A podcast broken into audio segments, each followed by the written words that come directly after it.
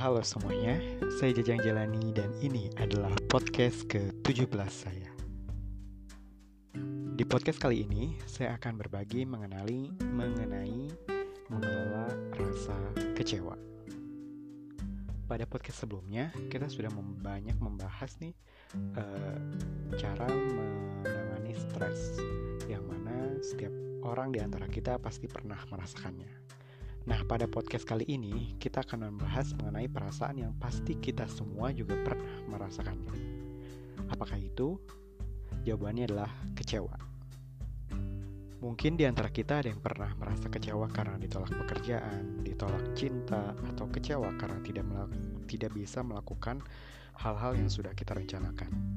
Perasaan kecewa ini biasanya hadir saat sesuatu tidak berjalan nih sesuai dengan harapan atau ekspektasi kita. Perasaan yang timbul biasanya berupa perasaan down, sakit, dan juga sedih. Teman-teman pendengar percaya nggak kalau bahkan setiap orang sukses pun pasti dia pernah mengalami kegagalan dan pasti pernah merasakan kekecewaan. Tapi alih-alih mereka menjadi pesimis, mereka justru dapat mengelola perasaan tersebut dan berusaha mengambil hikmahnya sehingga mereka bisa sukses pada saat ini. Nah, kemampuan emotional intelligence-nya lah yang menyadarkannya bahwa setiap emosi datang dengan tujuan dan memberikan sebuah pelajaran, sehingga orang-orang berhasil tersebut tidak justru larut dalam kekecewaannya. Kemudian bagaimana caranya kita agar memiliki emotional intelligence di level tersebut? Dan bagaimana seharusnya kita menghadapi perasaan kecewa? Berikut adalah tipsnya. Tips yang pertama, coba teman-teman duduk bareng deh sama perasaan kecewa tersebut. Maksudnya saat teman-teman merasa kecewa, terimalah perasaan itu. Sadari bahwa apa yang terjadi ya terjadilah. E, rasa kecewa ini tidak akan mengembalikan masa lalu e, menjadi lebih baik juga.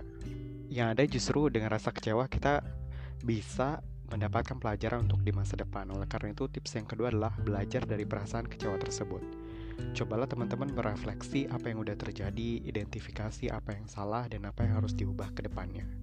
Kemudian yang ketiga adalah putuskan diri teman-teman untuk move on. Bilang sama pikiranmu, yuk melangkah ke depannya harus begini begini begini. Uh, ya nanti kita bisa melakukan ini ini ini. Jadi jangan terlalu memikirkan apa yang udah udah kejadian, mari kita move on. Tips yang terakhir, tips yang keempat, antisipasi perasaan kecewa di masa depan dengan belajar mengelola ekspektasi. Karena kan kita udah tahu nih bahwa kecewa itu lahir karena kita punya harapan dan ekspektasi. Ketika tidak sesuai maka kita kecewa. Nah untuk antisipasi ke depannya biar nggak kecewa, maka kita harus belajar mengelola ekspektasi. Dan selalu persiapkan backup plan atas segala kemungkinan yang terjadi. Jadi ketika teman-teman udah nyiapin agenda, itu bikin banyak uh, plan A, plan B, plan C dan lain sebagainya. Biar ketika nggak kejadian itu teman-teman nggak kecewa dan punya alternatif uh, plan lainnya.